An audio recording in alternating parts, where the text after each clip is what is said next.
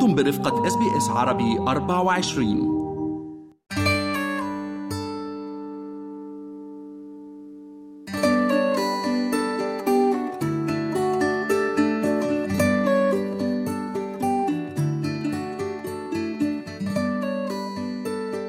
من المناطق الهامة التي تستحق الزيارة نأخذك في مشوار هذه المرة إلى جنوب أستراليا إلى ثالث أكبر جزيرة وحديقة حيوانات طبيعية مفتوحة. لمن يرغب في الاستمتاع بالحياة البرية والطبيعة الخلابة في أفضل حالاتها تمثل جزيرة الكانغورو تجربة مدهشة.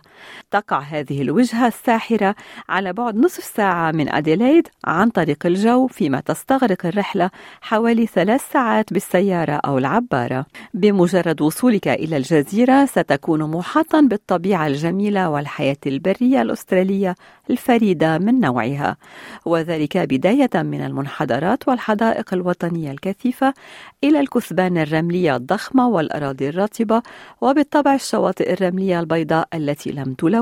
بعد وأثناء تواجدك على هذه الجزيرة سترى على الأرجح الكثير من حيوانات الكانغورو ولكنك إذا كنت ترغب في الاقتراب منها توجه إلى حديقة كيب بارك للحياة البرية. فهنا ستجد الكثير من الفرص لتغذية هذا الحيوان بنفسك.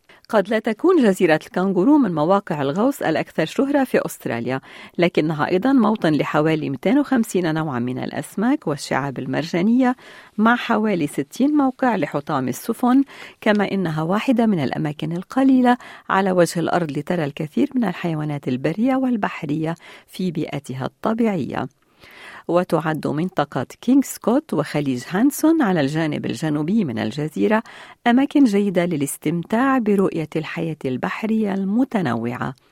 في حال أردت السباحة مع الدلافين في جزيرة الكانغورو فقط استمتع بروعة السباحة في المياه الفيروزية قبالة الساحل الشمالي من الجزيرة بصحبة دليل أو مرشد لتلك الجولات والذي سيوفر لك أفضل فرصة للاقتراب من هذه المخلوقات.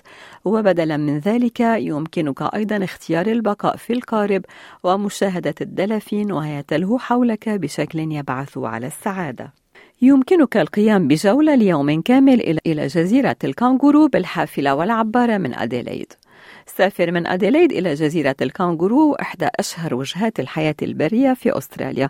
في هذه الرحلة النهارية المليئة بالأنشطة بالعبارة والحافلة اكتشف معالم الجزيرة وحيواناتها المحلية من خليج فيفون ومنتزه محمية خليج سيل إلى الصخور الرائعة ومنتزه فليندرز تشيس الوطني وقوس الأدميرال الفراء الكوالا وطبيعة الحال الكانغورو. استمتع برحلة بحرية مريحة على نهر موراي على متن عجلة التجديف كابتن براود تعرف على تاريخ النهر وثقافته ونظامه البيئي من التعليق المباشر.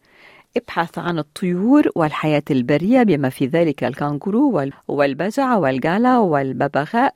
استمتع بوجبة غداء بينما تشاهد العالم يمر بسلام. يمكنك أن تأخذ استراحة من الاندفاع النهرية لقضاء اليوم مع شريكك أو أصدقائك. وإلى اللقاء في مشوار جديد.